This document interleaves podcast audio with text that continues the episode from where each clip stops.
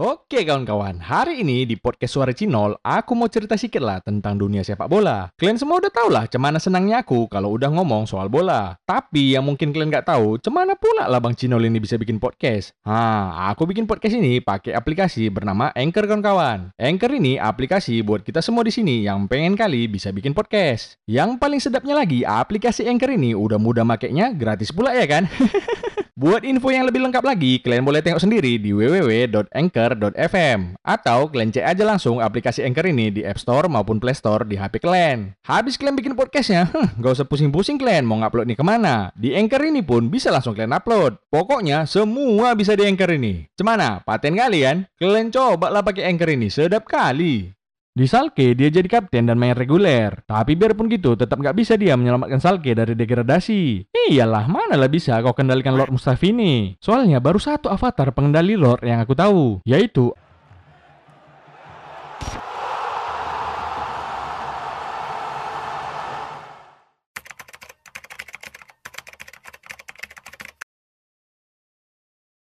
Oke kawan-kawan, hari ini aku mau cerita sedikit lah tentang Ah udahlah nol, banyak kali pun intromu. Part 2 Arsenal, mana nol, mana? Ya sabarlah kalian biawa, ini mau kuceritakan Oke kawan-kawan, hari ini udah nggak usah pakai oke kawan-kawan. Lanjutkan aja yang kemarin, nah lama kali pun. Oke oke oke, sampai di mana kemarin? Nomor 23, si Lord David Luiz nol. Oh iya iya iya, udah ingat aku. Nomor 23, Lord David Luiz Udah banyak kali lagu bacuti Lord kita yang satu ini. Kurasa nggak tahan dia dibacuti terus, makanya dia cabut ya kan? Aku nggak ngerti juga lah sama Arsenal ini. Kenapa suka kali ngambil orang tua dari Chelsea sana? Kayak David Luiz, Willian, dulu Peter Cech juga. Kalian sadar lah sikit, kalian itu SSB, bukan panti jompo. Nah, sekarang dia pun udah cabut dari Arsenal dan gak tahu ke mana arahnya sekali ini. Saranku, nggak usah kalian tebak-tebak dia ke mana. Biarkan aja Lord kesayangan kita ini dengan jalan ninjanya berjalan menuju jalan kegelapan. Oi Bang David Luiz, nggak mau nyoba UFC Bang? Mana tau paten ya kan? Hmm, mending aku nyoba KFC daripada nyoba Pak UFC. Tapi kalian fans Arsenal harus berterima kasih juga lah sama Abang David Luiz kita ini. Oh iyalah nol, jelas. Kami segenap fans Arsenal berterima kasih lah yang sebesar-besarnya buat Abang David Luiz kita atas kontribusi yang udah diberikan. Ya meskipun kontribusinya bukan buat Arsenal, tapi buat tim lawan ya kan? Sukses terus lah ke depannya di mana pun berada ya bang. Kurang-kurang lah blunder gak jelasnya. Kalau bisa tiap main jadi man of the match lah. Ya di Arsenal juga sering sih dia jadi man of the match. Tapi buat tim lawan. Nomor 24, Reece Nelson. Si Reece Nelson ini padahal lebih bagusnya dari William Kurasa. Tapi mending dijual aja lah, kasihan. Kena mental dia lama-lama. Aku takutnya nanti tiap malam merenung pula dia di pojokan terus. Terus nanti dipikirkannya, apa emang iya aku lebih paut dari William? Habis itu pas dia sadar udah di rumah sakit jiwa pula ya kan? Udahlah nak, keluarlah kau dari Arsenal sebelum nanti kau gila. Betul lah. Nomor 25 Mohamed El Neni atau yang biasa dikenal di kalangan Twitter sebagai Cairo Cambiaso, Zamalek Zidane, Piramid Pirlo, Egyptian ini ah macam lah. ah ini pun mending keluar aja main di klub lain. Masih panjang masa depanmu, terlalu bagus kau buat Arsenal ya kan? Woi fans Arsenal, masih ingat nggak kalian gol Ciamik dia versus Barcelona di UCL 2015-2016 kemarin? Kalau kalian ingat, ha, ya udah itu aja yang cuma bisa diingat dari dia. Nomor 26 udah kosong. Terakhir yang ngisi si Emi Martinez, udah cabut dia ke Aston Villa. Musim terakhirnya di Arsenal juga ditutup dengan piala kaleng-kaleng ya kan? Dia milih cabut karena sadar kalau dia nggak bisa jadi nomor satu di Arsenal. Tapi dia bisa jadi legend di Aston Villa. Legend apa bang? Legend 72 lah. nomor 27 Sergei Gena. Ngarep ya. Move on lah kalian biawa. Belajar kalian mencintai William Borges. Nomor 27 sekarang dipakai sama Konstantinos Mavropanos. Ini nos siapanya nos? Gatal nos kena nos panu nos? Aku nos nggak tau lah nos. Eh, nos biawak nos biawak nos. Ko jam nos kali nos ah nos. Wakenos wakenos wakenos wakenos. Si Mavropanos ini kemarin dipinjamin ke Stuttgart. Eh, Stuttgart peringkat berapa sih? Coba kita tengok dulu ya. Masih di bawah Arsenal rupanya. Nomor 28, Joe Willock. Dia ini kemarin dipinjami sama Newcastle dan lumayan perform lah kalau aku bilang. Sekarang apa lagi? Mau main di mana kau musim ini? Ya macam biasa lah nol. Aku posisiku kan gelandang tengah, ya main di gelandang tengah lah aku. Hmm, bukan posisi maksudku. Klubnya biawa, klubnya. Ya di SSB Arsenal kita tercinta inilah. Hmm, udahlah nggak usah banyak kali lah kau berharap. Soalnya feelingku di rental lagi kau nanti sekali ini sama orang ini. Nomor 29 Matteo Guendouzi. Nah, ini titisannya si David Luiz ini. Potongan rambut sama, gayanya sama. Dia ini lagi diasingkan ke Jerman. Semenjak insiden kartu merah versus Brighton di mana dicekeknya batang leher si Maupai, nggak pernah lagi dia dipakai Arteta. Nggak pernah lagi masuk skuad, kalian. Alasan orang ini katanya masalah kebugaran. Padahal sebenarnya gara-gara masalah kebiawaan. Balik aja lo kau ke Arsenal, Bang. Udah cukup lah latihanmu di Jerman sana. Tapi lain kali kalau berantem, ingat, jangan cuma kau cekek ya. Kau banting lah sekalian macam Ramos banting salah.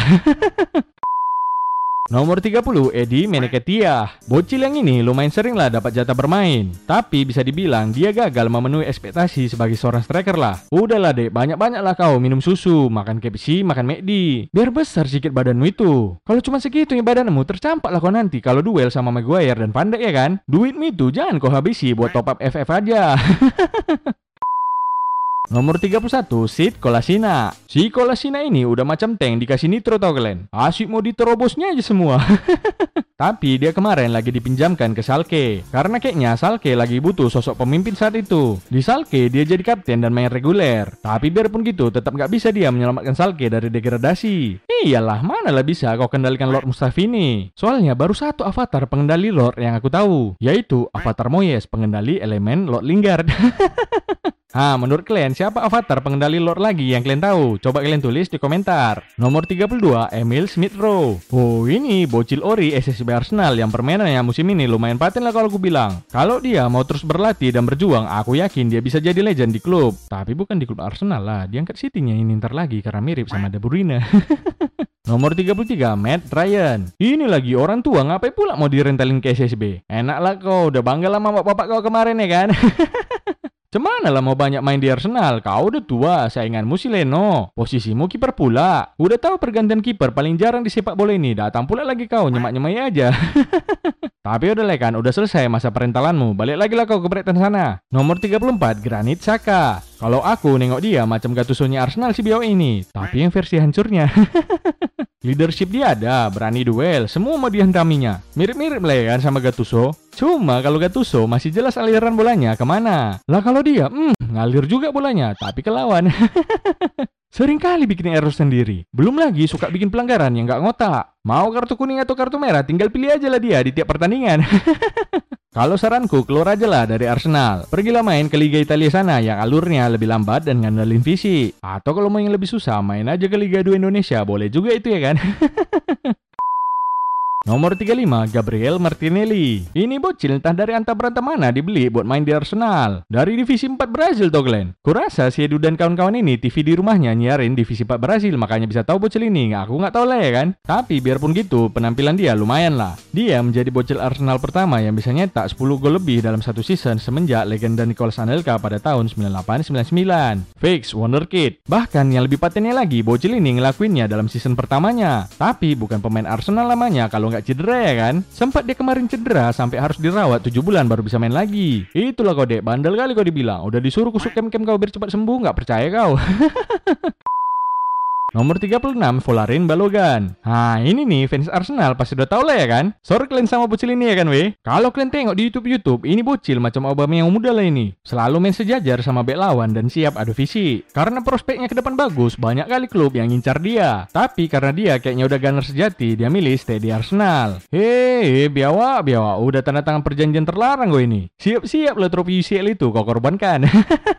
Tapi aku mau nanya sama kalian. Menurut kalian mana yang lebih bagus? Jadi pemain reguler di tim yang gak juara-juara atau gak apa-apa jadi pelapis tapi main di klub yang langganan juara? Ha, boleh juga kalian tulis di komentar. Itu aja lah kayaknya pemain Arsenal ya kan weh. Masih ada lagi yang belum kusebut. Ada satu lagi bocil kami nol, nomor 46. Hah? Nomor 46? Siapa nomor 46? Valentino Rossi.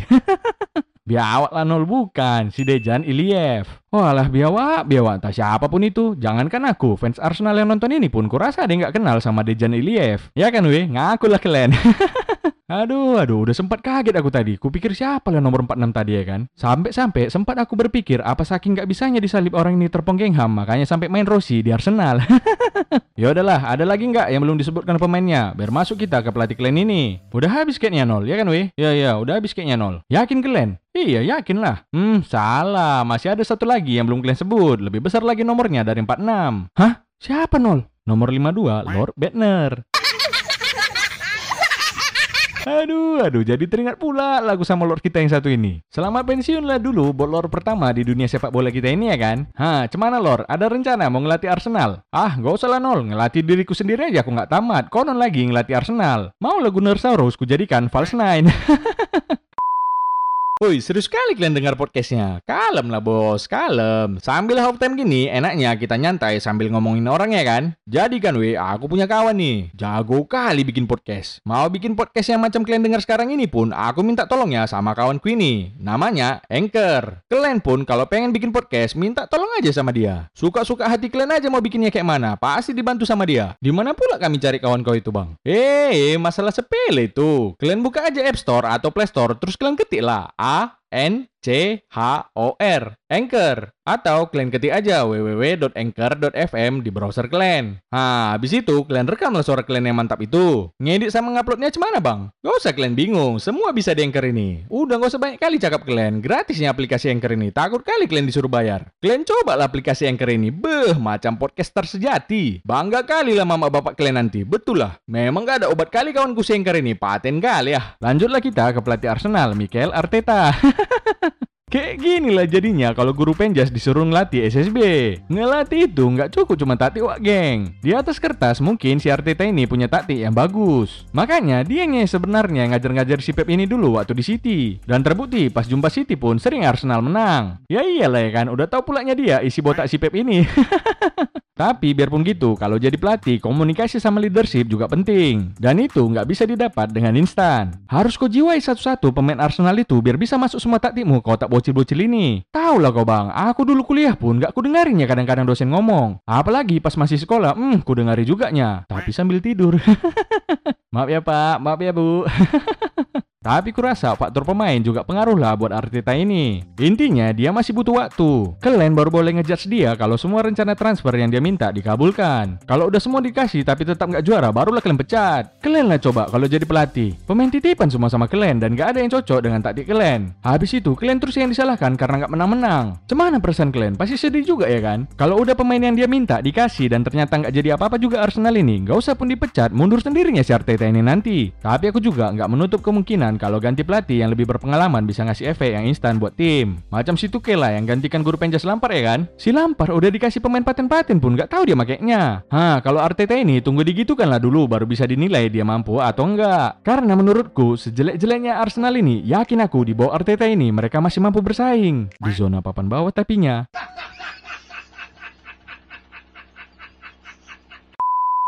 Next, direktur teknik Arsenal Edu Gaspar. Si Edu ini bukan orang baru di Arsenal. Dia pernah main waktu tahun 2002 sampai 2005 sebagai gelandang tengah dan terbilang sukses juga lah dengan raihan 5 trofi termasuk trofi yang dibangga-banggakan fans Arsenal, The Invisibles. Apa sebenarnya tugas direktur teknik ini? Macam tak kerja ku tengok. Kalau dari situsnya Arsenal bilang tugas dia ini memastikan kekuatan Arsenal berada di level terbaik, yaitu level yang cukup untuk memenangkan trofi. Hmm, apanya yang terbaik? Terpongkeng iya. Cemana lah kau mau memenangkan trofi masa yang kau datangkan kayu-kayu mati?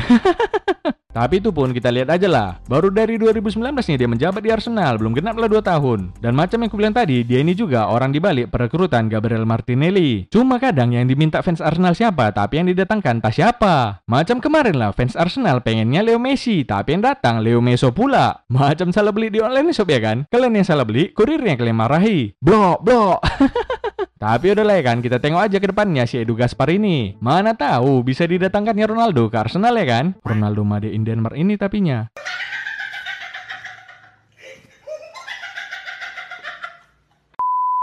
Next, ownernya Stan Kroenke. Selama masih profit, gak ada urusan dia buat ngejual Arsenal. Capek kalian berkor-kor nyuruh si kawan ini out, mana peduli dia. Arsenal ini cuma jadi tempat ternak uang dia aja bos. Gimana caranya dengan modal sekecil-kecilnya dapat untungnya sebesar-besarnya? Tahu kalian ke mana uang Arsenal ini dibikinnya? Bangun stadion baru dia buat klub American footballnya. LA Rams. Oh ma, cinta kali dia sama duit ya kan? Kalau soal duit nomor satu lihat itu. Kalau urusan pride nomor 28 lah dibuatnya itu. Makanya waktu masuk si Otman Perez ngomongin project project ESL, cepat kali munculnya si Kroenke nih bilang iya. Duit itu bos. Padahal di IPL aja tersiok-siok Arsenal, sok-sokan pula mau ikut ESL. Makanya itu cuma si Wenger lah kurasa yang mampu bikin Arsenal dulu bertahan di empat besar dengan modal kecil yang dikasih Kroenke. Sayang kali dulu si Kroenke ini sama Wenger. Walaupun Wenger ini pun nurut kali dulu sama dia. Cuma karena didesak sama fans Arsenal aja ya makanya akhirnya Wenger keluar. Wenger out, Arsenal rindu juara. Bosan kami peringkat 4 terus. Eh, biawak, biawak dulu sok-sok nggak suka kalian peringkat 4. Sekarang sekarang tengoklah. Dilipat dua peringkat kalian sekarang kan jadi peringkat 8. Itulah kalau nggak bersyukur.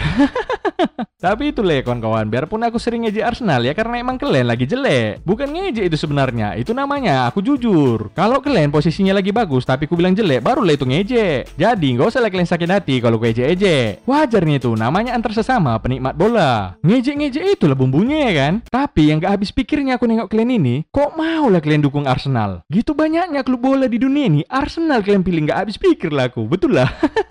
Bukan apa ya kan, no offense lah. Salut aku sebenarnya sama kalian yang mau dukung Arsenal. Soalnya nggak semua orang berani jadi fans atau main di Arsenal ini. Trofi UCL taruhannya bos. Jangan gitu lah Nol. Dulu kami dukung Arsenal karena memang bagus permainan orang ini Nol. Eh, biawa, biawa. Kalau cerita dulu Aston Villa pun bagus, pernah juara Liga Champions. Ya tapi Arsenal sekarang pun masih bagus yang kami rasa Nol. Iya, memang bagus. Bagus gue saja di klub bola.